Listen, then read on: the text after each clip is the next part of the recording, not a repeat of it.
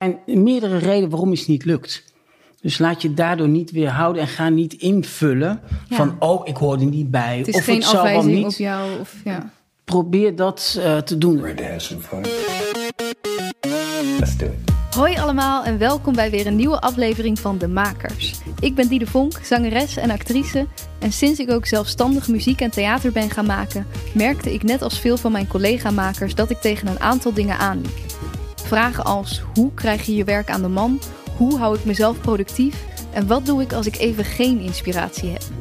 Daarom ben ik deze podcast begonnen, waarin ik elke week een inspirerende maker interview en vraag om tips. Hoi, welkom bij deze tweede aflevering in de speciale miniserie over het Nederlands Theaterfestival en over het theater in het algemeen. Het Theaterfestival is van 2 tot en met 12 september dit jaar en daar zie je de mooiste voorstellingen van het afgelopen jaar. Vandaag spreek ik juryleden Christian Mooi en Farnoosh Farnia over de toneelprijzen. Elk jaar worden op het theaterfestival de VSD toneelprijzen uitgereikt aan de beste spelers van dat jaar. Nou, dat zijn de Theodore, de Louis d'Or, de Arlecchino en de Colombina voor beste acteur, beste actrice, eh, beste mannelijke bijrol en beste vrouwelijke bijrol. Christian is artistiek coördinator en programmeur bij de Meervaart en hij is regisseur. En Farnoosh is storyteller, oprichter van de Mesrap Storytelling School en ze is programmeur bij Oerol. In deze aflevering gaan we het hebben over verschillende speelstijlen en aan welke kwaliteiten een acteur moet voldoen om genomineerd te worden. Dat en nog heel veel meer. Heel veel luisterplezier. Hier is de aflevering met Farnoosh en Christian. Farnoosh, Christian, heel erg leuk dat jullie er zijn. Welkom. Dank je. Fijn Ehm, er te zijn. Ja, gelukkig. Uh, Farnoosh, om met jou te beginnen. Wat, weet je nog het moment dat jij voor het eerst een soort liefde voelde voor theater? Eh, ja, dat weet ik. Eh, die vraag werd me heel toevallig eh, vorige week ook gesteld. Ehm, ja, ik ben naar Nederland gekomen toen ik vijf was. En mijn vader die heeft een eh, amateurgezelschap meteen opgericht, een Iraanse. En toen ik zes was, ging hij een voorstelling maken, maar ze hadden geen geld voor een oppas. Dus toen moest ik meespelen. Oh. En ik had de rol van een kakkerlak in, een, in een theatervoorstelling met allemaal dieren. En dat vond ik super, echt super kloten om te doen. Dus Oh, ik, ja? wilde, ik wilde een vlinder zijn of whatever. en toen heeft hij me heel goed uitgelegd dat, dat je juist als acteur iets moet spelen wat nooit echt lijkt op de echte jij. Omdat dat acteren is. En toen heb ik echt met heel veel trots een heel seizoen een kakkerlak gespeeld. Wat mooi. Wat een mooie les. Ja. En eh, is hij acteur dan dus ook? Of, Nee, mijn vader die ma- maakt amateurtheater, maar dan in de Iraanse taal. Ah, en dus eh, toen hij in Nederland kwam hier, richtte hij gelijk een groepje op. Ja. En daar werd jij Ja. Onderdeel van. Mooi. Christian, hoe was dat bij jou? Iets later, denk ik, toch? Ik, ik weet eigenlijk niet, het was op de lagere school. Nee, ik kom nog heel goed eerst op de lagere school, dat we naar een voorstelling zaten te kijken. Bij ons in de aula werd er iets opgebouwd. En er zaten heel veel, heel veel rollen en heel veel personages kwamen er langs. En dat vond ik al, al, al heel leuk. En na afloop kwamen er maar twee mensen applaus halen. En dat snapte ik niet. En dat was een soort iets van, wauw, dit, dit, eh, dit, dit, is, dit is geweldig, dit is heel erg leuk. Dus dat is echt mijn allereerste ervaring dat ik ook iets met magie en zo Ja. Te maken had. Dat het gewoon even en op school was en dat dus gewoon die twee personen van tien of twaalf personages hadden gespeeld en dat ik, daar, dat ik daarin getrapt was, zeg maar. En dat is bij jullie allebei echt al heel jong. Is die liefde altijd, heb je die meegenomen door je hele leven heen? Was die altijd aanwezig of is dat ook weer een beetje gekomen en gegaan? Bij mij is dat wel altijd gebleven. Ja? Ja. ja, het was echt toen de aanleiding om het dan zelf te gaan doen. En eh, we hadden allemaal middagafsluitingen. Op vrijdagmiddag, één keer in de maand en zo. En dan was ik wel altijd degene die klasgenootjes bij elkaar sprokkelde. Ja. Om of playback acts te doen of weet ik veel wat. Ja. En, en toen ik in de, in de zesde klas zat, dus dat was wat nu groep acht is. Ah ja. Toen, toen kreeg ik in één keer van thuis te horen van... hé, hey, misschien vind je het leuk. En die hadden toen een, een amateurgroep gevonden met jongeren... waar ik eigenlijk te jong voor was. Dus ik mocht een keer proef komen. Nou, dat klikte en toen ben ik gaan gaan spelen. Dus eigenlijk is het altijd zo, Ja. zo gebleven, ja. Ja, bij mij ook. Ja? Ja, het is nooit weggegaan. Ik heb altijd wel, toneel gespeeld. Was het bij, eerst bij mijn vader dus. Allemaal volwassen thea- theatervoorstellingen waar dat waar ik echt geen hol van begreep trouwens als kind. En ehm, op basisschool ook, groep 8 voorstelling ook. En ik heb toen expres eh, een middelbare school gekozen waar ze ook echt eh, toneellessen hadden.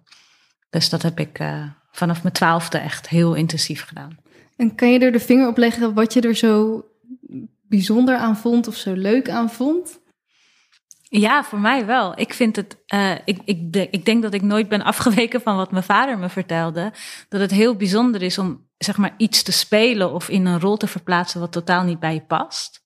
Dat vond ik vroeger echt heel tof om te doen. Ik vond mijn leukste rol op de middelbare school was ook eh Drei Oper van Bertolt Brecht. En daar Zo. moest ik een junkie spelen. Ah, En dat vond ik gewoon ontzettend tof. Omdat ik dan, nou ja, als 15, 16-jarige, weet ik veel, helemaal mocht inleven hoe een junkie leeft. ah. Dus dat soort dingen vond ik altijd heel boeiend, zo onderzoek te doen.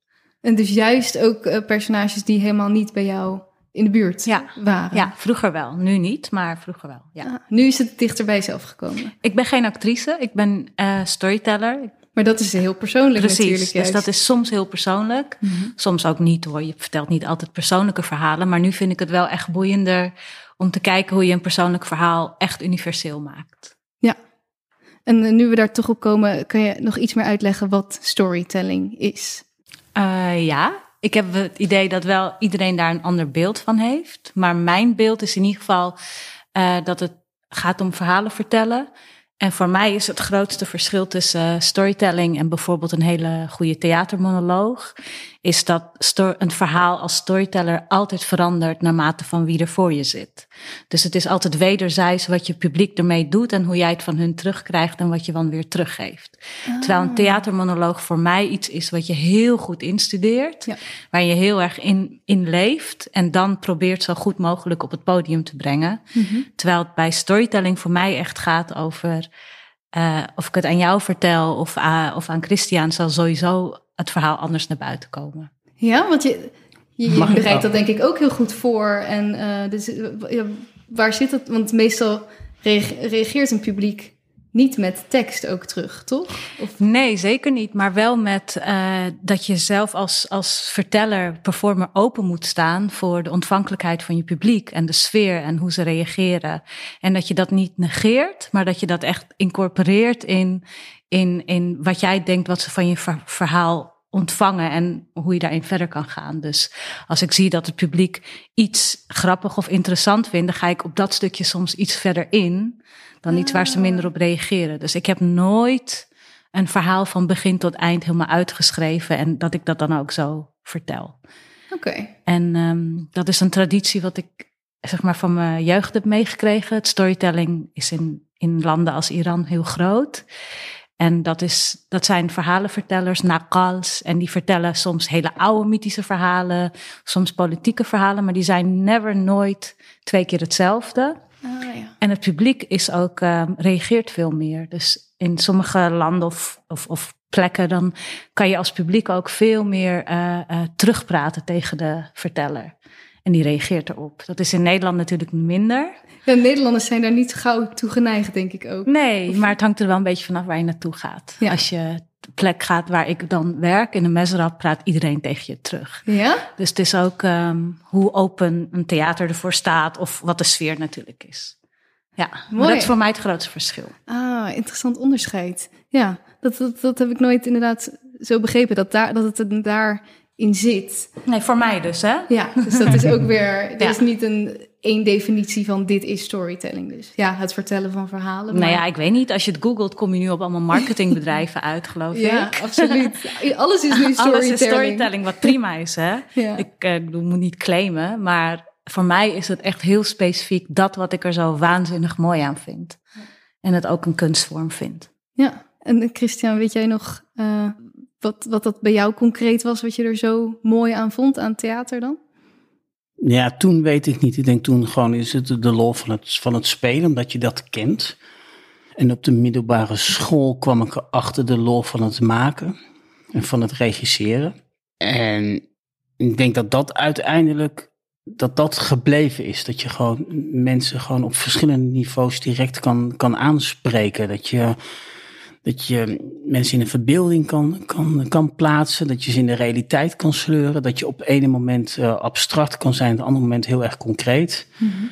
En dat je uiteindelijk op een bepaalde manier geactiveerd wordt. En, en dat wat zo mooi is van, van toneel, is dat dat eigenlijk alle, alle kunstenvormen die er zijn, gewoon, gewoon samenbalt en samenbrengt.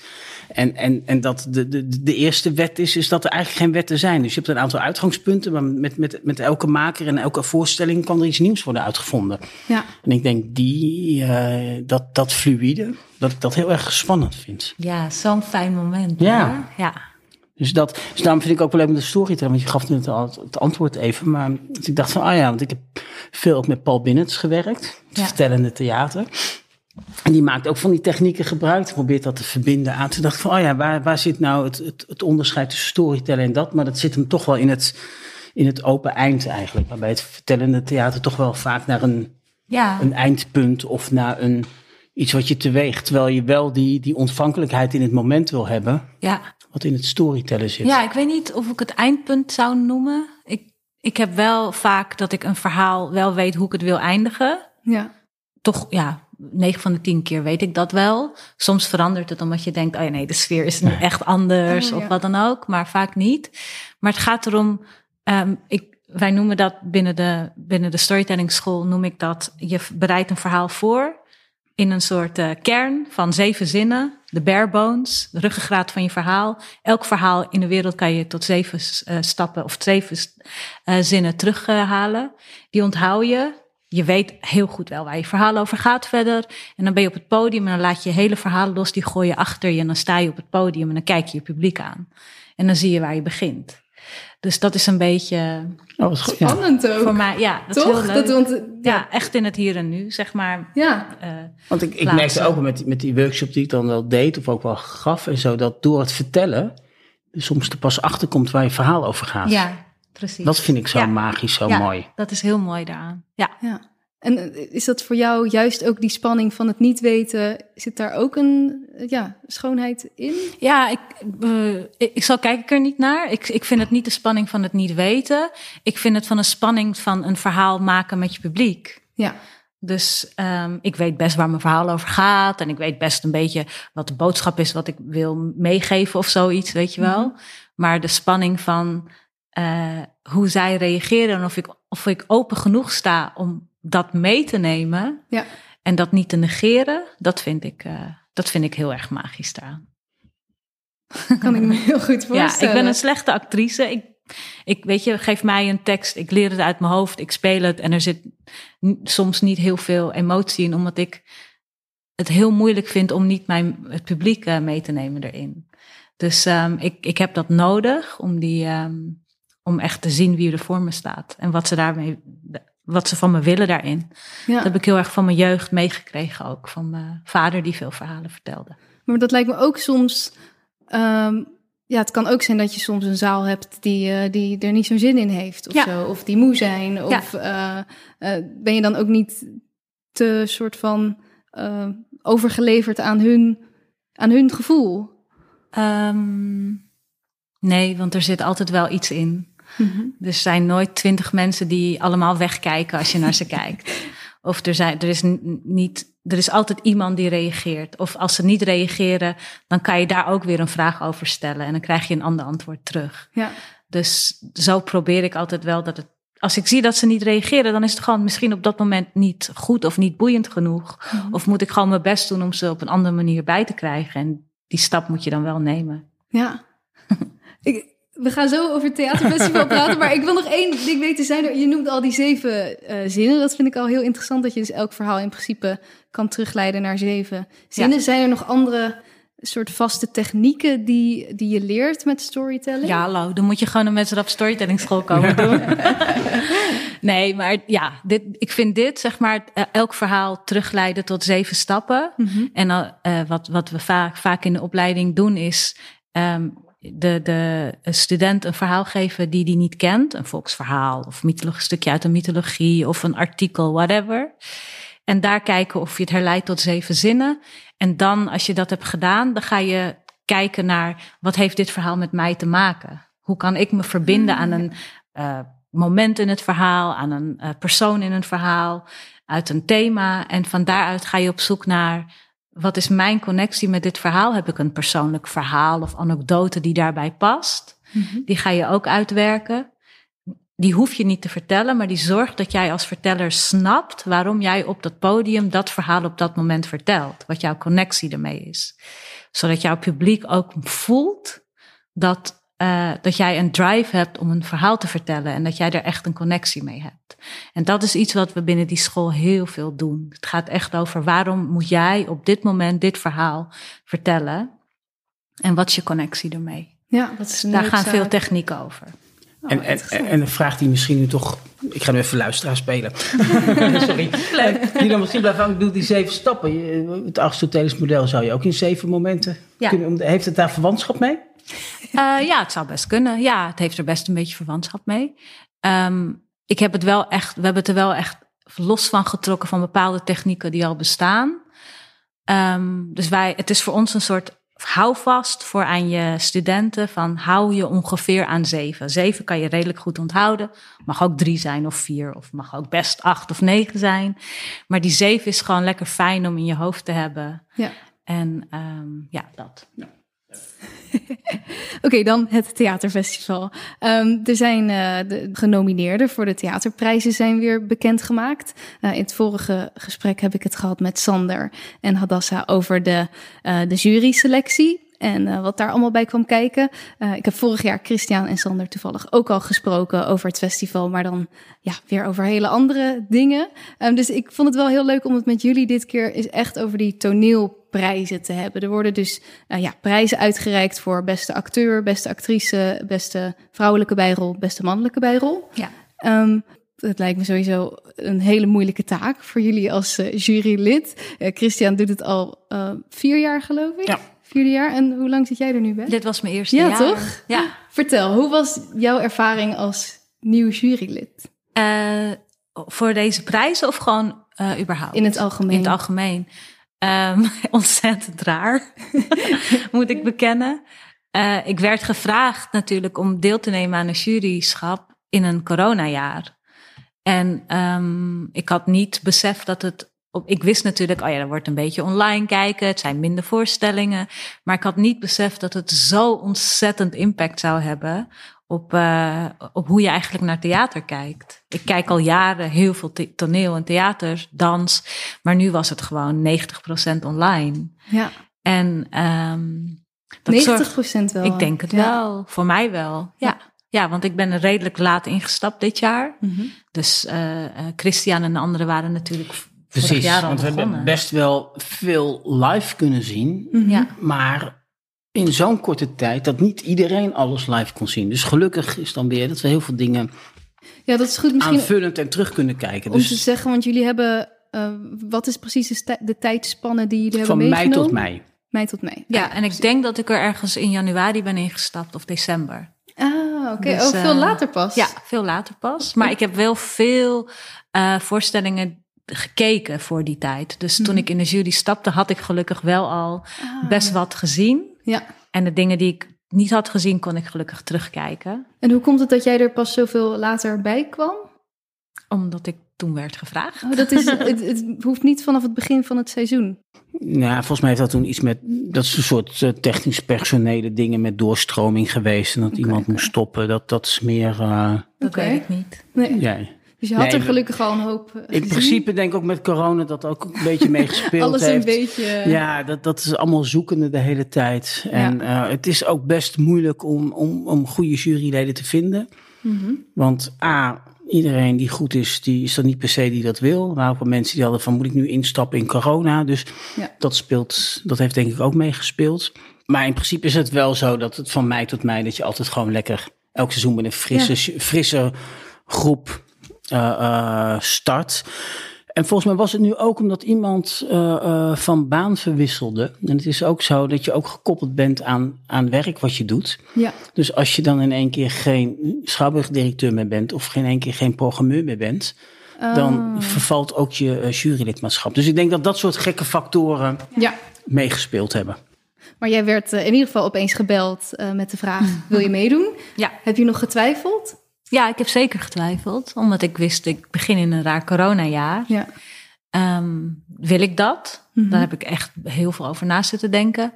Ehm, en ook omdat ik dacht, ehm, denk ik wel hetzelfde als de andere juryleden. Dat weet je natuurlijk niet echt van tevoren. Het is juist fijn als je niet hetzelfde ook ja, denkt, precies. toch? Ja, ik vind dat, dat vind ik fijn. Dus ik was ook aan het zoeken, ben ik wel anders genoeg in mijn kijkgedrag? En Oké. dat, dus ik heb heel veel jury-selecties van de afgelopen jaren terug zitten zoeken. Ik dacht, oh ja, nee, ik denk ook echt, echt wel heel anders. Ja? Wat, waar zit dat hem in? Ehm, waar zit het hem in? Ja, nou ja, gewoon wat je selecteert en hoe je kijkt. En ehm, er, was, eh, er zijn voorstellingen, ik ga geen namen noemen. Nee, dat hoeft Maar er niet. zijn voorstellingen waarvan ik dacht, oh ja, die zou ik echt nooit hebben geselecteerd. Vanwege achtergrond van een, van een eh, verhaal waar het over ging. Of vanuit een perspectief vanuit geschiedenis. Dat ik dacht, oh ja, die, die zou ik echt wel anders. Die, heb ik, die kijk ik persoonlijk heel anders. Oké. Dus toen dacht ik, oh ja, dat is wel heel tof. Want dan kan je in de jury wel echt een breder gesprek soms beginnen. Eh, over hoe iemand kijkt en hoe ik kijk. En, en dat je samen twee verschillende perspectieven hebt. Dus Ja. toen dacht ik, nou, dan ga ik het gewoon doen. Ook al is het misschien een online jaar. Mhm. En eh, nee, het was echt heel fijn om dat te doen ook. Wat, wat goed. En eh, jullie hebben dus ook dan veel online met elkaar moeten overleggen, denk ik. Ja, Toch ook Ja, wel. gezoomd. Ja. en, en gezoomd en ook Ja. live, Ja. gelukkig. Zo gauw het live tijd. kon, gingen we live. Ja. Snap ik. Nou, voor jou is het dus het al het, het vierde jaar. Wat, Ja. eh, nou ja, het was natuurlijk een ontzettend ander jaar dan anders. Wat viel jou het meeste op dit jaar? Dit jaar, nou ja, vorig jaar was het natuurlijk ook een ander jaar. Dus ik heb bijna zoiets dat we Ja. twee jaar in, Dat in klopt één inderdaad. jaar hebben. En ja. natuurlijk ook nominaties doorgetrokken. Dus er is nu ook een. Er liggen Ja. nu nominaties van twee seizoenen eigenlijk. Dat is wel goed inderdaad om nog even te zeggen. Eh, vorig jaar zijn de toneelprijzen dan dus niet uitgereikt. En die zijn nu meegenomen naar dit jaar. Ja. Ja. Ja, vorig jaar is wel de regieprijs uitgereikt. Mhm. En eh, de Procenicum. En klopt het dat die dan dit jaar niet worden uitgereikt? Of wel? Wat? De, de regieprijs. Jawel, Oh, want we daar hebben heb ik weer een nog geen- selectie. Daar heb ik nog geen genomineerden van kunnen Ja, vinden. maar dat is, een, dat is wel heel leuk. Dat heeft Sander dan niet goed uitgelegd in de vorige podcast. Die Sander weer. Ehm, je, je hebt namelijk degenen die geselecteerd zijn, Ja. de voorstellingen. Automatisch daarvan zijn de regisseurs genomineerd voor de regieprijs. Oh ja, dat, dat Dus eigenlijk met de bekendmaking van de selectie Ja, is ook de regieprijs bekend. aha, oké. Nee, dan snap ik die even beter. Maar we waren bij eh, Ja. Dit, dit jaar. Ja, precies. Dus dat, nou ja, wat, je, er kwam op een gegeven moment toen dingen, natuurlijk naar mei, toen mochten in juni, mochten er in één keer dingen weer. Dus toen kwam er een hoos aan, aan veel monologen en korte dingen. Dus er was in korte tijd heel veel te zien. Toen was het vakantie en toen hadden we iets van september, oh fijn. Dus toen was er in één keer heel veel mensen die dingen met in première gingen. Dus er viel veel live te zoeken.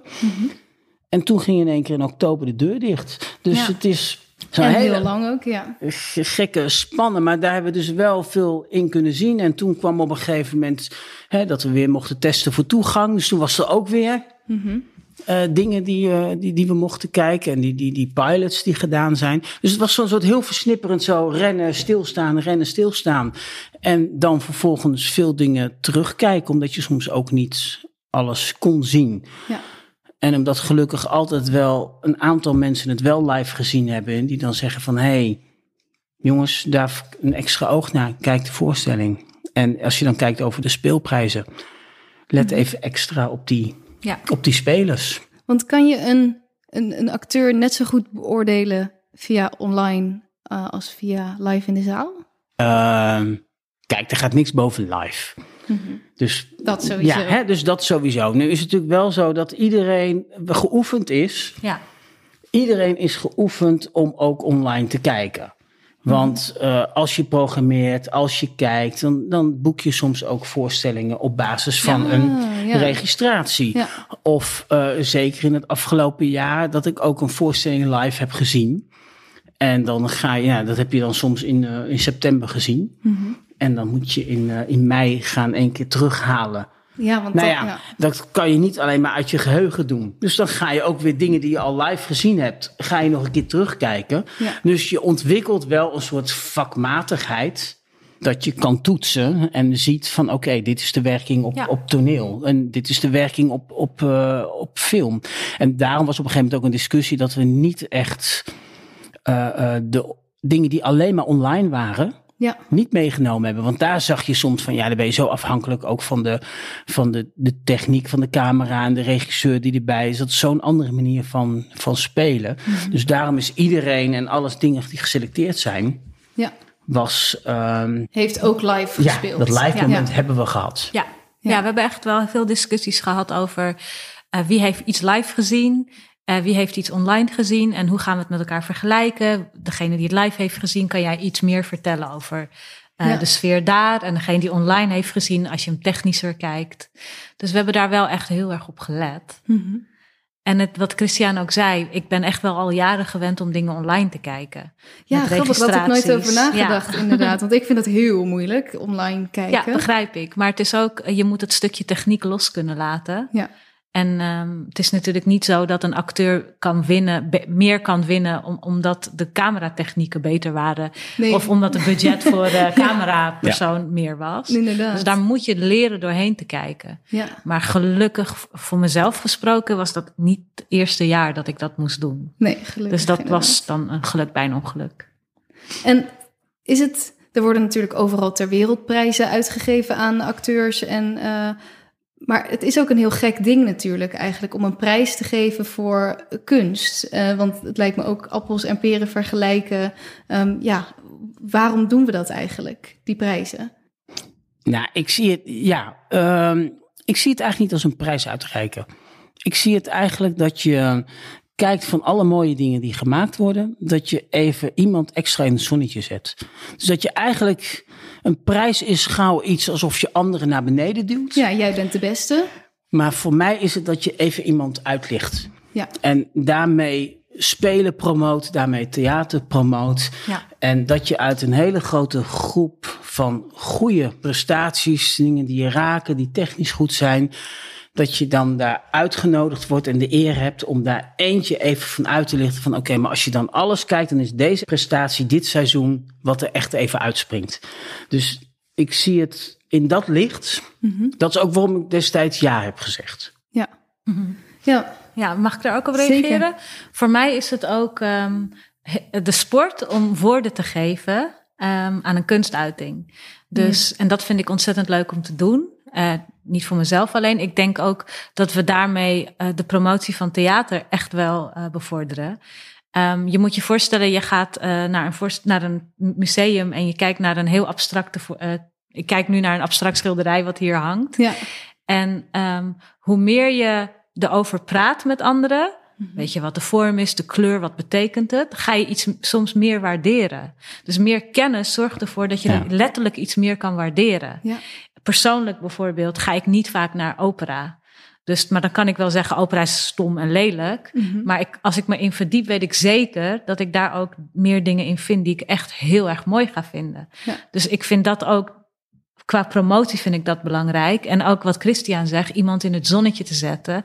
Door te zeggen, we hebben echt wel gezien hoe jij die, weet je wel, dat acteertalent. Of hoe jij dat, zo'n monoloog. Of hoe jij, hoe, hoe zoiets, hoe je daarmee hebt gewerkt. Dus het is ook gewoon ehm, laten zien hoe, hoe meerlagig kunst, kunst ook is en acteren.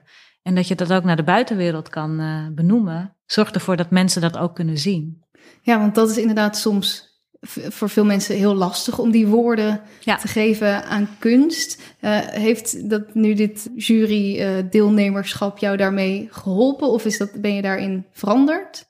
Ja, ik denk altijd, ik denk bij elk gesprek over kunst wat ik voer, verander ik. Omdat iemand letterlijk iets anders ziet. Ja.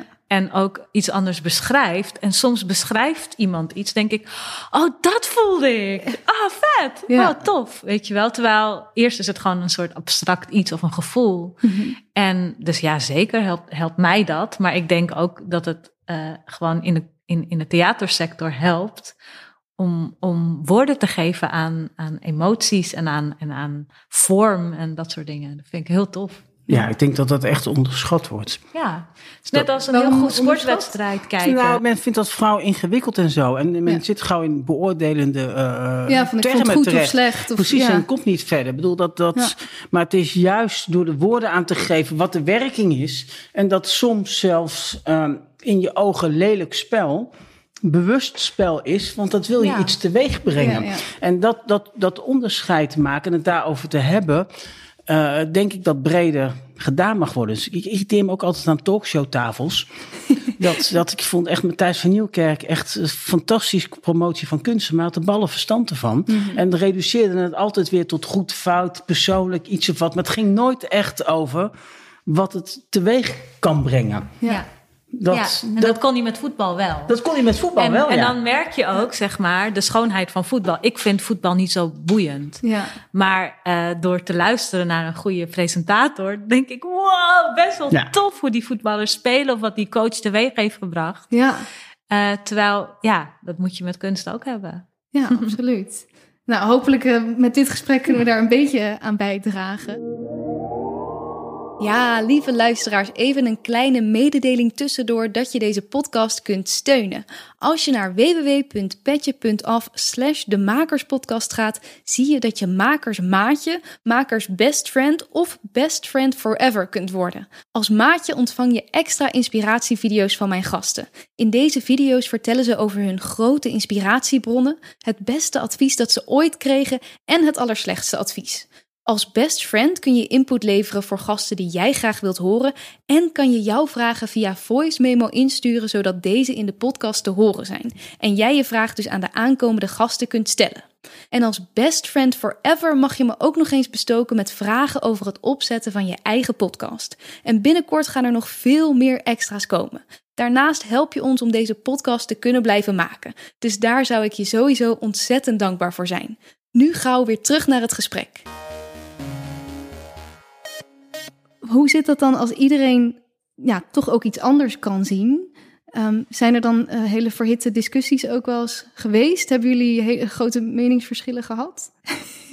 Ik zie jou ja knikken, maar niet ik, heel nee, erg. toch? Nee. eerlijk gezegd dit jaar niet zo heel erg. Ehm, dat denk ja, ik, dit is gewoon mijn eerste jaar, hè, dus Ja. dit is wat ik denk wat er dan gebeurt. Christian weet dat misschien beter. Ehm, ik heb niet het idee dat als wij naar een acteur of actrice kijken of naar een voorstelling, dat wij allemaal eh, dezelfde smaak hebben. Ik heb echt wel bij sommige juryleden dat ik denk, nee, ik heb echt een hele andere smaak dan jij. Maar we kunnen er wel allemaal ehm, naar kijken eh, wat, wat de techniek is van iets. Of wat, snap je?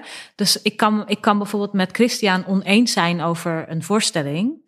Maar we kunnen wel allebei zien wat de techniek doet, wat de speelstijl is, wat, eh, wat lelijk spel bijvoorbeeld eh, eh, betekent voor in de voorstelling, wat het licht betekent. Dus in dat opzicht zoeken we wel. Ik, ik heb nog nooit in een juryvergadering gezegd: ik vind dit lelijk Nee. of ik vind dit stom. Daar gaat het helemaal niet om. Het gaat erom hoe je naar iets kijkt en wat, wat voor perspectief je hebt. En dan zegt Christian: Oh ja, ik zag het ook zo, maar ik zag ook nog dat en dat en dat. En dan Ja. kan je daarover verder. Dus dat is echt een ander gesprek dan eh, je persoonlijke smaak op tafel leggen. Ja, Ja, het wordt echt moeilijk. Dat was dit jaar wat minder. Nou, bij een paar, dat, dat, dat, dat, nou, er gaat nog wat aankomen. Ik denk van dat het wat lastiger is. Maar in het verleden hadden we wel gehad dat je dan voor de, voor de Louis Door moest kijken. En dan, dan zit je gewoon, ja, als je twee toppers hebt, ja, Ja. wat waardeer je dan in die twee toppers? En ik weet Ja. dat dat een, toen een lang gesprek was ja. over van, oké, wat, ja, wat is nu met die appels en peren? En dan, en dan is ook het punt van, ja, dan moet je op een gegeven moment, dan moet je kiezen met de juiste argumenten. Ja. En eigenlijk zijn dat wel de hele interessante gesprekken. En het is wel ook natuurlijk dan een verantwoordelijkheid. Want je kiest dan één iemand wiens carrière misschien eh, daardoor in de lift gaat. Of eh, ervaren jullie dat wel eens zo van we, we hebben een grote verantwoordelijkheid? Ehm, nee, niet op die, tenminste, ik niet op die manier. Want dan, dan, dan gaan we met oneigenlijke dingen Ja. prijzen toe. Dus, dus ook de hele tijd, ook nu met de nominaties, eh, dat worden we wel vaak gezegd. Soms dan, dan gun je het een acteur iets meer. En we hebben wel gezegd van oké, iedereen die op dat lijstje staat van genomineerd, Ja, die moet in je hoofd aanspraak kunnen maken om helemaal naar voren geschoven te worden. Op het moment dat je daarbij het nomineren al over twijfelt, moet van meer er die niet nomineren we omdat we het iemand gunnen. ja, omdat we het leuk vinden, omdat die. Ja. Dat, dat, ja, dat hebben we wel steeds tegen elkaar uitgesproken. Soms zegt iemand dat ook wel. Ja. Van ik heb dit gezien, ik was heel erg en oh, wat die, hoe, die persoon nu speelt en zo. Dat, ehm, Daar verwacht ik nog een hoop van en nu al niet zien. Maar Ja.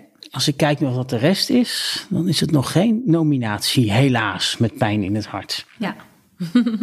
En kunnen jullie nog iets meer vertellen over wat jullie dan dit jaar hebben gezien aan die verschillende speelstijlen en aan de mensen die nu eh, genomineerd zijn? Ja, het was een heel interessant jaar. Omdat je dus ehm, ook als spelersgroep niet vaak met grote groepen op het podium kon staan Ja. in het begin. Dus het is een jaar met heel veel monologen. Ehm, heel tof. Omdat je dan echt, echt gewoon kan focussen op een acteur of actrice. Ja. En ook eh, kan zien wat zo'n tekst met iemand doet. En eh, dat vond ik echt een cadeautje om te krijgen. En het is natuurlijk appels en peren, want er waren ook voorstellingen met meerdere acteurs. Ehm, maar het heeft mij echt wel geleerd om veel meer te mogen kijken naar een bepaalde acteur of actrice en, en, en de verschillende emoties die iemand mee kan nemen. En met die focus weer te kijken naar de voorstellingen waar meer acteurs op het podium staan. ja. En hoe is dat voor jou? Ja, nee, dat, dat, die monologen waren heel fijn, omdat je ook... Ja, echt, het geeft rust ook inderdaad, lijkt me, dat je naar één iemand kan kijken. Ja, maar soms vraagt het ook extra aandacht, omdat je zo gedwongen Ja. wordt om naar, naar een soort miniatuur te kijken. En wat ik heel mooi vind, is dat je heel duidelijk ziet van, oké, eh, wat is een soort spelopvatting van, van de voorstelling en van de, van de acteur? Werkt iemand veel meer vanuit zijn persoonlijkheid en vanuit daar creëert hij een rol, een verhaal? Of is iemand veel meer bezig om een personage vorm te geven en wat zet hij daar dan in? En dat zijn bijna twee Ja, twee uitersten.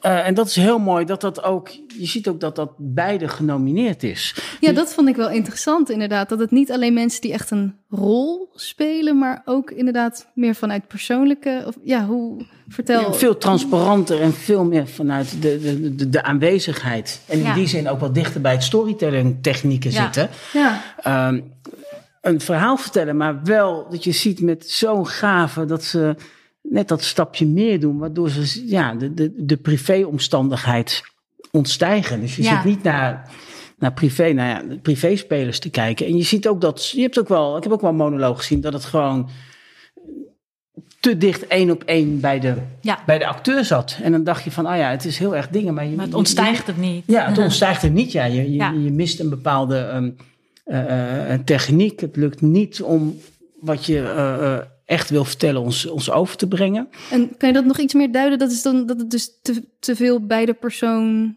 zelf blijft? Of... Ja, het is een beetje... Maar nu zitten we wel op het niveau met spelers dat bijna dat niemand heeft. Maar soms wij zien zoveel. Ja, in een de selectie wel, toch? In Ja. de selectie zag je dat wel een paar Je, keer. je, je ziet wel of iemand echt privé op het toneel staat... van- en van daaruit gaat werken... of dat iemand een persoonlijkheid inzet om iets Ja. vorm te geven. Dus krijg je nou iets wat uiteindelijk een universele vertelling wordt... Of blijft iets een, een particuliere aangelegenheid... die niet iets extra's mee gaat geven... die niet gaat ontstijgen wat de vertelling moet zijn. Dat is heel, kijk, dit is dan heel moeilijk om daar met, met taal over te praten, omdat we nu niet ook even kunnen kijken. We hebben het nu over deze voorstelling. We, kun- we kunnen Ja. het niet even zien, dus dan wordt het vooral in algemeenheden praten. Maar je, Ja. je, je ziet het in de, ja, in, in de zaal. Je voelt het moment dat je denkt van, oké, hier is wat, die, wat de persoon vertelt, wat die toont, is niet verbonden Ja, met zijn lichaam, niet verbonden met het moment, niet verbonden en geplaatst in de ruimte. Ja, en dan moet je kijken, is dat expres? Precies. of is dat, snap je? Ja. Dus Ja. dat, is, dat is een leuke om te kijken. want dat Wat kan ik- ook weer een keuze zijn om... Het kan een teken zijn wat weer iets zegt over Ja. wat er gebeurt. Precies. En het andere wat ik, wat ik heel mooi vind aan eh, kijken naar eh, één acteur of actrice, is. eh, er, ik heb ook voorstellingen gezien waarvan van een, een monoloog van een uur of zo, waarvan ik de, het karakter gewoon niet mocht. Oh ja. Het is gewoon een ontzettend stom mens. ja. En je haat die persoon gewoon. En je moet er, weet je wel, een uur mee in, in zijn of haar verhaal. Ja. En dat is zo ontzettend mooi om ehm daarnaar te kunnen kijken en te zien hoe een acteur dat dus zo, zodanig goed doet. Ja. Dat je echt gaat geloven in wat hij of zij op het podium staat te doen. En dat dan weer naast een, een andere voorstelling te leggen, waarin een acteur of actrice waarvan je het gevoel heeft dat hij zelf op het podium staat. Dat er dat die, dat die gewoon een eigen verhaal vertelt. Dus, en die je dan zo ontzettend mag, omdat die zo kwetsbaar is. Terwijl beide acteurs kwetsbaar staan te zijn, Ja. alleen met andere intenties. En eh, dat met elkaar vergelijken is heel erg leuk, omdat je daar echt woorden voor moet vinden, los van wat het met je doet, Mhm. waarom het iets met je doet en wat de techniek daarachter is. Ja, het roept misschien heel veel weerzin op, maar dat is dan Ja. juist weer, kan weer heel Ja. goed zijn. Ja, stel je voor dat je alleen maar voorstellingen ziet van mensen, van acteurs of eh, karakters die je mag. Dat is Ja. super saai. inderdaad. Maar om Oh, er woorden aan te geven, Ja. is eh, waarom iets, weet je, wat, waarom, wa- waarom het iets met je doet wat niet fijn is, dat is ook, dat is Mhm. juist mooi. Zijn er nog meer objectieve of soort van eh, dingen waar je aan kan meten van eh, hier moet het aan voldoen om, om genomineerd te worden? We hadden niet een lijstje of Het is zo. nooit een checklist. Nee. Nee, het is niet. eh, als je bijvoorbeeld bij een fonds werkt, eh, dan kijk je naar voorstellingen en die moet je beoordelen of een subsidieaanvraag. Dan moet je, krijg je soms een checklist. Weet je wel, wat is de authenticiteit? Wat is eh kwaliteit van eh, bla bla bla. Hier niet. Hier is het gewoon, je kijkt en dan ga je het met z'n allen erover hebben. Eh, dus nee, er is geen En checklist. je hebt natuurlijk die werking van wat, wat spelen is. Wat wordt je geraakt? Wat zendt iemand uit? Welke middelen zet hij daarin? Wat doet hij met zijn fysiek? Wat doet hij met zijn stem? Hoe is zijn tekstbehandeling? Ja. Eh, Hoe verhoudt hij zich tot andere spelers? Eh, heeft hij de gave of zij om ruimte in te nemen als het nodig is, maar ook ruimte aan de ander te geven? Ik bedoel, een goede acteur is ook een acteur die zorgt dat zijn tegenspeler beter gaat spelen. Ja. Dus dat moet je dan, dan, dan ook meenemen. Dus dat, dat, ja, dat zijn dingen die eh, al kijkend, al lerend en in de opleiding gewoon je eigen hebt gemaakt. Ja. Ja. En soms kom ik met een voorstelling op tafel van die vond ik te gek, want acteur heeft dit en dit en dit gedaan. En dan stelt een jury een vraag over, weet ik veel, eh, het, het licht of eh, weet je wel, of wat de tekst eh, deed. En dan denk ik, oh ja, zo, zo, zo had ik hem niet bekeken. En dan moet, moet ik hem ook echt weer opnieuw kijken. Ja, om al die Ja. verschillende. Ja, je- Dus je moet eigenlijk altijd jullie kijken naar de voorstellingen, maar je kijkt ook naar alle individuele Ja. acteurs Ja. en je kijkt naar het geheel. ja. Ehm, ja hoe, hoe doe je Wat, dat? wat, wat, wat voegt een, voor, een, een acteur toe aan, aan het concept van de regisseur van de voorstelling? ja. Ja. Eh, Hoe, hoe geeft hij daar, wa- wanneer kan je zeggen van oké, hij is gewoon nu heel goed aan het spelen? Mhm. En wanneer geeft hij dat, dat extraatje? ja. Wat, wanneer brengt hij mij als publiek uit balans? Hoe brengt hij zijn tegenstander uit balans? Hoe zorgt hij net dat er iets, dat je denkt van ja, dit, dit, dit zou ik normaal gewoon nooit pikken. En wat krijgt hij dan voor elkaar dat ik helemaal meega, Ja. dat dit of dat ik dit toch geloofwaardig acht? Ja. Dat ik hier toch geraakt word, dat ik hier toch aan het denken gezet word. Wat is dat wat hij doet of zij? En misschien ook leuk om, eh, omdat we het nu in, over het algemeen hebben, maar kunnen jullie eh, concrete voorbeelden geven zonder natuurlijk weg te geven wie er al heeft gewonnen? Want dat wordt pas later duidelijk gemaakt. Maar ehm, waarin misschien verschillende stijlen tegenover elkaar stonden bij de genomineerden. Of eh, waar je die verschillen ook weer heel erg Ja, ziet. volgens mij moet even naar de Arlecchino kijken, toch? Ja, volgens mij was daar wel de meeste. Daar was me- het meeste om te doen. Kijk, ehm, als, je, als je kijkt naar de nominaties van vrouwelijke of mannelijke bijrol, Mhm. dan is het dus inderdaad heel belangrijk, wat Christian ook net zei. Wat voegt zo'n acteur of actrice toe aan het geheel? Ja. En het is makkelijker om naar een hoofdrolspeler of speelster te kijken dan, weet je wel, als je zes bijrollen hebt. Ja. Waarom kies je dan heel specifiek die persoon uit voor een, eh, voor een prijsnominatie? Ja. Dus dan gaat het echt over samenspel ook. En bijdragen van zo'n acteur aan wat, wat, het, wat de voorstelling omhoog brengt. Dus we moeten even kijken nu naar de namen. Christian heeft er even een notitietje bij gepakt. Nou, ik heb even de, de, de juryrapporten. Dat, dat sowieso voor. De, de- Oh ja. zeker, je hebt veel jonge luisteraars ook en zo. Zeker. Toch? Tenminste, of beginnen, of weet ik veel. Ehm, ehm, ga juryrapporten lezen. Maar zijn deze gewoon te lezen? Die zijn gewoon te lezen. Ik, ik weet inderdaad, de, de eh, publiciteitsmensen van festivals en zo, die hebben altijd zoiets van dat sta je kosten en daar heeft het publiek niks aan. Dus ze zijn vaak wat verstopt. Maar je kan in ieder geval, ehm, het cultureel persbureau bijvoorbeeld, die heeft hem gewoon integraal de Oh. teksten allemaal erop gezet. Want ik dacht net toen jullie het hadden over het moeilijk om er woorden aan te geven. Fijn dat we dat. Ja. eh, dat zit in zo'n rapport natuurlijk ook heel Ja. erg. En ja, dat lijkt Ja, me dus je hebt op de, de, website van het theaterfestival heb je de, de, de, de, de kortere versie. Ja. Maar er is ook nog een, een langere versie. Volgens mij zit die ook nog ergens in een linkje verstopt. maar ga die, die Ik ga lezen. even kijken of ik achter die, de, eh, kan om ook linken. achter de taal kijken. En misschien kan je de show notes, heet dat geloof ik. Hè? Absoluut. Kan je daar een, eh, een, een linkje in zetten. Ehm, nee, want als je bijvoorbeeld gewoon kijkt, bijvoorbeeld Lucas Smolders, die, die, die genomineerd is in, in Angels of America, daar zetten we ook letterlijk van, met een bijna cabareteske jo- joligheid, geeft hij het spelen vorm. Hij kleurt tegen de tekst, wat de tekst hem opdraagt, en behoudt daarbij ten alle tijden de geloofwaardigheid. Dus dat is iemand die heel bewust iets aan het opzoeken is van wat kan ik er tegenover stellen, zodat er meer gebeurt dan, dan de, de, de, de tekst alleen. Terwijl als je dan bij Jaap Spijkers kijkt, Mhm. die zit veel meer vanuit eh, eh, ehm, dat hij een, een, een naar en gelijk personage Oh, in de zaak weet Shell. neer te zetten in de zaak Ja, ja. Shell. En daar zoekt een soort onverwacht gewoon sympathie mee te vormen. Ja. Door het heel dicht bij zichzelf te houden. Bijna als een, een man die op het toneel stapt en gaat spelen. Dat zijn twee echt uiteenlopende manieren Mhm. om zijn rol aan te pakken. Hij had ook heel veel commentaar op die Shell-directeur kunnen geven. Ja. Dus zo zie je dat er echt verschillende eh, eh, eh, stijlen tegenover me, over elkaar zitten. En nou, misschien Oh ja, Daniel Kolf, die dat voor, voor zijn rol in de voorstelling Quake. Wat een, een, dan, een voorstelling is ook met veel dans. Ja. Eh, niet per se ontzettend veel tekst. Maar dat je. En het, het, als ik me niet vergis, stonden er acht mensen op het. Ik weet niet, acht of iets meer mensen. En Daniel valt meteen op. En dat heeft te maken met hoe, je, hoe hij die groep bij elkaar weet te houden. Voor, voor mij was het echt ehm, bijna duidelijk. Gek om te zeggen. Maar je kijkt naar die voorstellingen, het zijn allemaal gelijkwaardige spelers. Maar toch voelt hij aan als de kartrekker. Ah, ja. En eh, dat heeft niet alleen maar te maken met de tekst die hij zegt, maar je ziet gewoon dat de anderen zeg maar, hem ook als soort ankerpunt kunnen gebruiken. Ja, want het kan ook iets negatiefs zijn als je, of ja, als je een collectief moet zijn en jij daar een soort.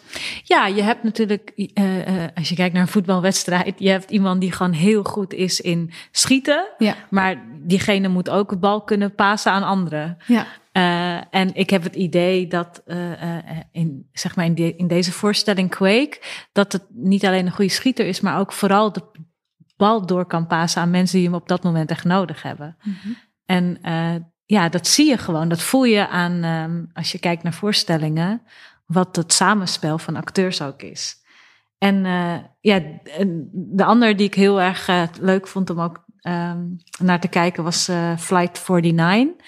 En dat was met Maarten Heijmans. Dat is een voorstelling, best lang duurde die toch? Twee uur of zo misschien? ja, gewoon een volwaardige Een volwaardige avondvullend, voorst- ja. voorstelling met best veel acteurs. En ehm, iedereen komt ook best wel veel aan bod. En die karakterontwikkeling bij elke speler is ook best groot. En op, toch op een of andere manier viel Maarten daar heel erg op. En dat komt omdat hij ook wel een karakter speelt die misschien wel een beetje, ik, ik weet niet hoe ik het moet noemen, misschien contactgestoord is. Dat je denkt, oh ja, hij speelt echt een rol. Hij, dat is niet hij zelf. Maar aan de andere kant is hij ook degene die breekt met ehm, consensus op het podium. Hij kan een, een, een rol op een bepaalde manier spelen dat je denkt, oh ja, shit, mag ik hem nou wel of niet? Eh, ben ik het nou met hem eens of niet? Oh, maar toch voel ik wel met hem mee. Maar echt aardig vind ik hem ook snap je? Dus het doet Dus ook heel veel ja, met je. Het, doet, ja. het deed best veel met mij, die rol, ja. tijdens het kijken. Ik was heel hard bezig in mijn hoofd om die jongen te begrijpen. Terwijl er ook zoveel andere acteurs lopen die ook waanzinnig goed spelen. En hij doet dat met twee rollen. ja, Hij klopt. ook speelt twee ja, rollen. Ja. Ja. Dus dan zie je ook nog dat, dat iemand binnen zo'n voorstelling ook twee facetten van zijn, Ja, Word je dan voor spel laat zien. een van die twee rollen Nee, we genomineerd? hebben hem voor beide, Ja, voor de voorstelling Ja. genomineerd, ja. Maar eh, leuk om Dus het dat, even... dat, en dan vind ik het wel, want ik, volgens mij hebben we nu iedereen genoemd. maar Louis van der Waal ah ja. in, in Rijgen, Mhm. dat, dat eh, het was, was vorig seizoen. Dan zie je ook dat, dat is ook weer iemand die bijna als zichzelf heel pretentieloos op het toneel staat. Maar ondertussen gewoon echt heel goed stuurt en het, het verhaal ehm, eh, eh, vertelt. En, en, en de meest ja, zeker ook daar dat je denkt van wat, wat, wat loop je nou allemaal te vertellen en je daarin meeneemt, heel erg in het hier en nu is. Heel erg die bewustzijn heeft, acteurs en spelers zitten samen uh, in één ruimte, creëren samen dit verhaal met twee tegenspelers waar die zich ook toe verhoudt en waar die ook. Dus dat, die moeten we ook ja, ook e- echt even noemen dat dat weer een andere ja, precies. kleur is wat daar tegenover staat. Wat, ja. wat en eigenheid is en techniek is en ogenschijnlijk heel makkelijk lijkt, maar echt zo rete knap is. Gaaf. Ja, we hebben heel veel, heel fijn deze concrete voorbeelden. Dat, daar hebben we denk ik mensen die luisteren heel veel aan als je ze nu speelt en al deze voorbeelden hoort. Dus inderdaad, uh, ga vooral die juryrapporten even nachecken, want het staat er dus gewoon allemaal in. Ja. Heel tof. Um, we moeten hem een beetje gaan afronden. Nu al? Ja, joh, dat gaat heel snel. ik, uh, ik wil gaat je praten. ik eindig altijd even met een, een, een, vraag nog over het ondernemerschap en of jullie daar nog uh, adviezen voor hebben. Maar ik wil eerst uh, een vooreinde nog even één stelling met jullie opgooien. Want omdat ik deze vier afleveringen maak en die zijn weer net anders dan anders, doen we even elke keer een theaterstelling. En de stelling van vandaag is. Nederland is echt een theaterland? Uh, nee. mm, nee, niet per se. Helaas niet. En als ik had gezegd Nederland is geen theaterland? Uh, ja, misschien ook. Nee, nee. Kijk, uh, we gaan te weinig naar theater. Ja, dus in die zin denk ik, en er is niet iets. Uh, eh, nou, ik heb het net al gehad over talkshows. Er wordt op talkshows wordt, uh, wordt er niet goed over theater gesproken. Die redacties kunnen dat niet. We hebben ook in dit kader uh, Laura H. heel mooi van, van Oostpol. Hebben de, de, de twee Laura's zaten aan tafel. En je merkt aan de presentatoren dat ze niet goed door de redactie gebriefd werden. Dus ze wisten niet, moeten we het erover hebben dat je allebei voor dezelfde rol genomineerd werd. En oh. dat de een wel kan winnen en de andere uh, niet. Uh, moet het gaan over van hoe is het in coronatijd om een rol uh, ingespeeld te hebben en dat te moeten overnemen en dat te moeten, moeten dubbelen. Of gaat het over het onderwerp Laura H. Je moet een, uh, zo'n zo zo meisje uh, waar heel veel controverse over is. Hoe verhoud je daar als acteur? Nou, dat liep dwars door, door elkaar heen. Nou, dat geeft al aan dat er gewoon niet fatsoenlijk over theater gesproken kan worden. Dat het nog te weinig een theaterland is. Ja. En ja, en, en, en heel mooi dat er een poging wordt gedaan met, met de NPO om cultuur. Uh, maar dat is dan toch naar de randen gedaan. En ik hoop dat het ook wat meer naar primetime uh, gaat. Dus in die zin uh, uh, nog niet genoeg. Nee, dus hoe, hoe zouden we dat kunnen... De, de, meer mensen in redacties die ook culturele achtergronden ja. hebben. wat zou nog meer misschien een oplossing kunnen zijn? Ik heb de afgelopen jaren dat ik in de cultuursector werk... Um, toch wel vooral met het beleid gesprekken gevoerd over waarom kunst dan toch echt belangrijk is en we het niet allemaal steeds moeten wegbezuinigen. Um, en weinig gesprek gehad over dat het echt al zo ontzettend in ons leven zit. Dus um, dat als je met z'n allen Netflix kijkt, dat daar hele goede acteurs in spelen. Of scriptschrijvers. Of uh, snap je, het, het zit in, in je hele leven zit ontzettend veel kunst. Dat je met, met, met school naar het museum gaat. Um, kan veel meer, brengt veel meer teweeg bij kinderen dan dat ze gewoon eventjes twee uurtjes uh, de nachtwacht zien.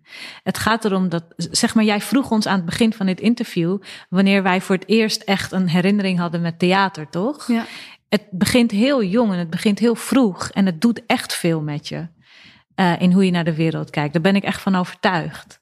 Dus um, ik vind dat we dat nog niet uh, beamen, goed genoeg beamen. En dat we steeds nog bezig zijn met, maar is het wel belangrijk? Ja. In plaats van, hoe is het belangrijk? Ja, we moeten echt vanzelfsprekendheid ja. omarmen en uitstralen. En daar zijn ook, daar gaat ook heel veel gebouwen debet aan.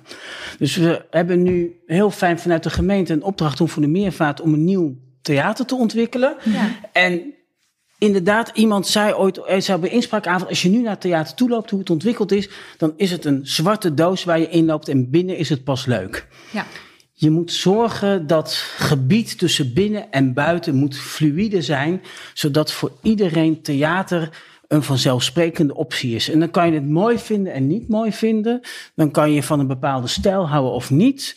Maar die, die drempel en die toegang, die openheid moet zo, uh, zo, zo open mogelijk zijn. Die moet zo transparant mogelijk. En dat betekent niet dat je alle theaters van glas moet maken.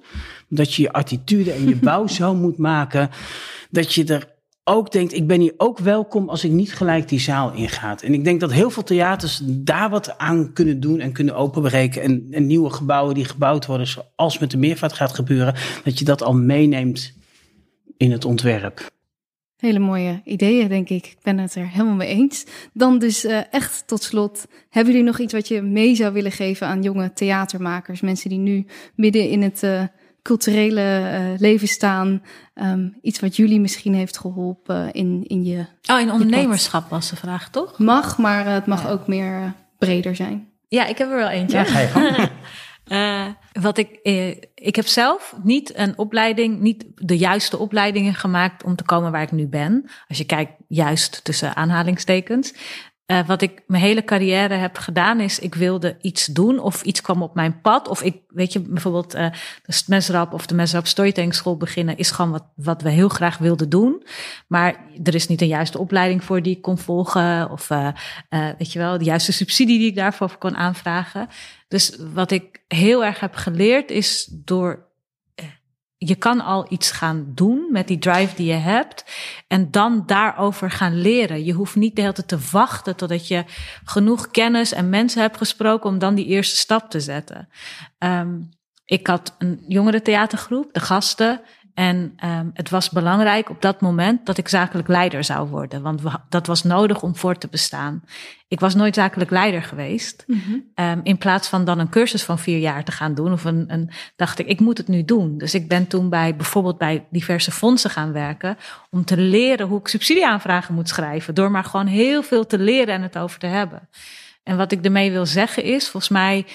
Um, voor de, voor de jongere generatie, je moet lef hebben om al uit te spreken wat je wel en niet kan en daar hulp bij vragen. En um, bijvoorbeeld toen ik adviseur was bij Fonds Podiumkunsten, waren er uh, subsidieaanvragen van jonge makers, of niet eens altijd jong, gewoon makers. Mm -hmm. En die werden afgewezen en die kwamen nooit echt meer terug. Terwijl de makers die dachten, oh, ik ben afgewezen, laat ik gewoon een gesprek gaan voeren met dat fonds, zodat ze me uit kunnen leggen waar ik, wat, ik, wat ik beter kan doen of anders kan doen. Het fonds was daar super blij mee altijd. Want die dachten, ja, weet je, dit gesprek ja. is super fijn, want we willen, we willen dat je terugkomt. Dus het gaat erom dat je echt, zeg maar, soms dingen moet gaan uitspreken en doen. En niet zo van tevoren al bedenken dat mensen het niet willen. Of jou ja. niet willen. Of dat het niet populair genoeg is. Want daarmee kom je echt geen hol vooruit. dus uh, dat, zou, dat zou ik mee willen geven. Mooi, heel veel uh, mooie tips zaten daar volgens mij uh, sowieso al in. en Christian? Ja, bij mij schoten twee dingen te binnen. Als eerste een aanleiding op jou. Inderdaad, uh, er zijn meerdere redenen waarom het niet lukt. Dus laat je daardoor niet weerhouden en ga niet invullen ja. van, oh, ik hoor er niet bij. Het is of geen het zal wel niet. op jou. Of, ja. Probeer dat uh, te doen. Er zijn veel, of van zie je wel, dit is het systeem. Nee, uh, stap erin en, en er, zijn, ja, er zijn echt meer redenen waarom je niet geprogrammeerd wordt. Dat heeft niet altijd met je kwaliteit te maken. Soms heeft dat ook gewoon te maken met een agenda die helemaal vol loopt. Of uh, ja, zoveel honderd, redenen. Mensen die met het atelier van Oerol mee willen doen, terwijl je maar een plek hebt voor een aantal. Ja. Dus dat zegt dan niks over jou, maar het is binnen het aanbod wat er nu is, dat. En wat ik heel voor deze tijd is, uh, uh, durf traag te zijn. Uh, ik vind dat heel veel mensen die, die, die opkomen borrelen, in één keer zoveel in hun schoot geworpen krijgen en al dat succes nu allemaal pakken. Pak je kansen, maar laat je niet verbruiken. Uh, ik, uh, Wat bedoel je met verbruiken? Nou, uh, over, over drie jaar is er weer een nieuwe af, afgestudeerde. En dan word jij aan de kant geschoven, want ze hebben alles al uitgemolken wat je hebt. Je hebt de hele tijd je, je, je kuntje gedaan en dan, dan gaan ze weer door met de volgende. Ja. ik heb geluk gehad dat ik nog les mocht hebben van Ton Dutz Die eh, toen eh, ergens al in de tachtig was. En die op een gegeven moment zei van... eh, was met een idee, zegt hij, ja, maar je hoeft niet alles dit seizoen te doen. Hm. Je moet op je vijftigste ook nog een voorstelling maken. Je moet op je zestigste en in zijn geval in de tachtig ook nog. En toen dacht ik, oh ja, niet alles hoeft nu. Misschien ga je dan niet op die golven van het succes helemaal mee. Maar dat zijn maar weinig mensen. Ik bedoel, er- zijn niet duizenden Pierre Bokma's en eh Catharine en Jacob Derwigge. Dus eh, ja, durf traag te zijn, neem de tijd en denk niet dat je tegen elk succes ja moet zeggen. Kijk echt, wat heb ik er ook aan voor mij nu? En waar zit nog de, de ontwikkeling in? En soms is het misschien goed om even in te houden, zodat je daarna weer een spurtje kan maken. Heel goed advies. Ik, eh, ik heb er niks aan toe te voegen. Ehm, heel erg bedankt allebei. Ehm, willen jullie nog iets kwijt? Heb ik iets, ben ik iets vergeten te vragen? Eh, Hebben we alles gehad? ik, ik hoop, we nemen dit op als we nog niet weten wat er allemaal precies mag. Maar ga vooral veel zien, zien, zien op het festival. Er staan echt, echt hele mooie dingen. Het is echt een heel mooi programma. Ja, hele verschillende dingen ook. En ga het vooral zien. En, en, en daarna niet naar huis. Niet de trein of de tram halen, maar ga erover praten. Ja, absoluut. Dank jullie wel. Jij ook. Jij ook bedankt. Dankjewel voor het luisteren. Dank Farnoosh en Christian. Dit zijn mijn takeaways van dit gesprek. 1. Voor Farnoosh betekent storytelling openstaan voor het gesprek met het publiek. Je maakt een tekst niet zelf, maar altijd in interactie. Ook is het belangrijk dat er een noodzaak is waarom jij dit verhaal vertelt. Maak het persoonlijk. 2. Ga eens juryrapporten lezen. Dit geeft je ontzettend veel inzicht over kunst, over theater en over verschillende speelstijlen. Ik zal een linkje zetten in de show notes. 3. Je hoeft niet te wachten met iets te doen tot je de juiste opleiding ervoor hebt. Je kunt jezelf een hoop aanleren. Ga met andere mensen in gesprek die dit bijvoorbeeld al doen. Volg een cursus, maar je hoeft niet te wachten. 4. Er zijn heel veel verschillende redenen voor waarom iets niet lukt. Als jouw aanvraag bijvoorbeeld wordt afgewezen, kan het aan zoveel dingen liggen. Geef niet op en zoek door. 5. Durf traag te zijn. Je hoeft niet al het succes van de wereld al in je eerste jaar dat je afgestudeerd bent te hebben. Dat was hem weer. Ik heb weer heel erg veel zin om heel veel voorstellingen te gaan kijken. Ik hoop jullie ook. En zoals Christian en Farnoosh al zeiden, ga dan niet daarna gelijk weg, maar ga eens nabespreken met elkaar. Waarom vond je iets mooi? Probeer er woorden aan te geven. Misschien leer je weer iets over de blik van een ander of juist meer over die van jezelf. En als je deze aflevering leuk vond, vind je denk ik ook de podcast Meestervertellers leuk. Die heb ik gemaakt voor Sadettin Het theatergezelschap van Sadettin Kirmezius. Technici, ontwerpers, publiciteit, zakelijke directie. Alle mensen spreek ik en je leert van alles over hoe het eraan toe gaat voor en achter de schermen bij een theatergezelschap. Maar dat kan Sadettin misschien zelf nog iets beter uitleggen. Dus ik start nu daarvan de intro in, zodat je een idee krijgt van waar die podcast over gaat. En mocht je hem dan leuk vinden, kan je hem gelijk hierna luisteren. Tot de volgende keer. Ik ben Sadettin Kurmezius, acteur en theatermaker. Sinds 2010 maak ik als artistiek leider van Sadettin K theatervoorstellingen met als rode draad identiteit. Kleine en grote verhalen, vertellingen waarin maatschappelijke en actuele onderwerpen vanuit een heel sterk persoonlijke en autobiografische blik worden behandeld en waarvoor ik met humor, zelfrelativering en ernst in de geschiedenis van Nederland en de wereld duik maar ook in mijn eigen geschiedenis graaf. En dan sta ik vaak in mijn eentje op het toneel. Deze theatervoorstellingen maak ik niet alleen. Daar werken heel veel mensen aan mee, zowel voor als achter de schermen. Hoe dat allemaal in zijn werk gaat? In deze podcast laten we deze mensen aan het woord. Mensen die niet zo vaak in de spotlight staan, maar die voor mij wel een hele belangrijke rol spelen bij het maken van een voorstelling. Van dramaturg tot marketeer, van lichtontwerp tot decorbouw. Zonder deze mensen was geen van die voorstellingen mogelijk geweest. Het is tijd dat zij een podium krijgen. En daar kun je nu naar luisteren. Welkom bij Meestervertellers. Vond je dit een leuk gesprek? Abonneer je dan op de podcast en volg de Makerspodcast op Instagram en Facebook. Delen of een recensie achterlaten is super fijn en laat het me vooral weten als er gasten of vragen zijn die je graag terug hoort in de podcast. Volgende keer staat er weer een bijzondere, inspirerende nieuwe aflevering voor je klaar. Deze podcast werd gemaakt door mij, Diede Vonk. De mixage is door Sonja Vos en de muziek is van David Schwartz. Tot volgende keer!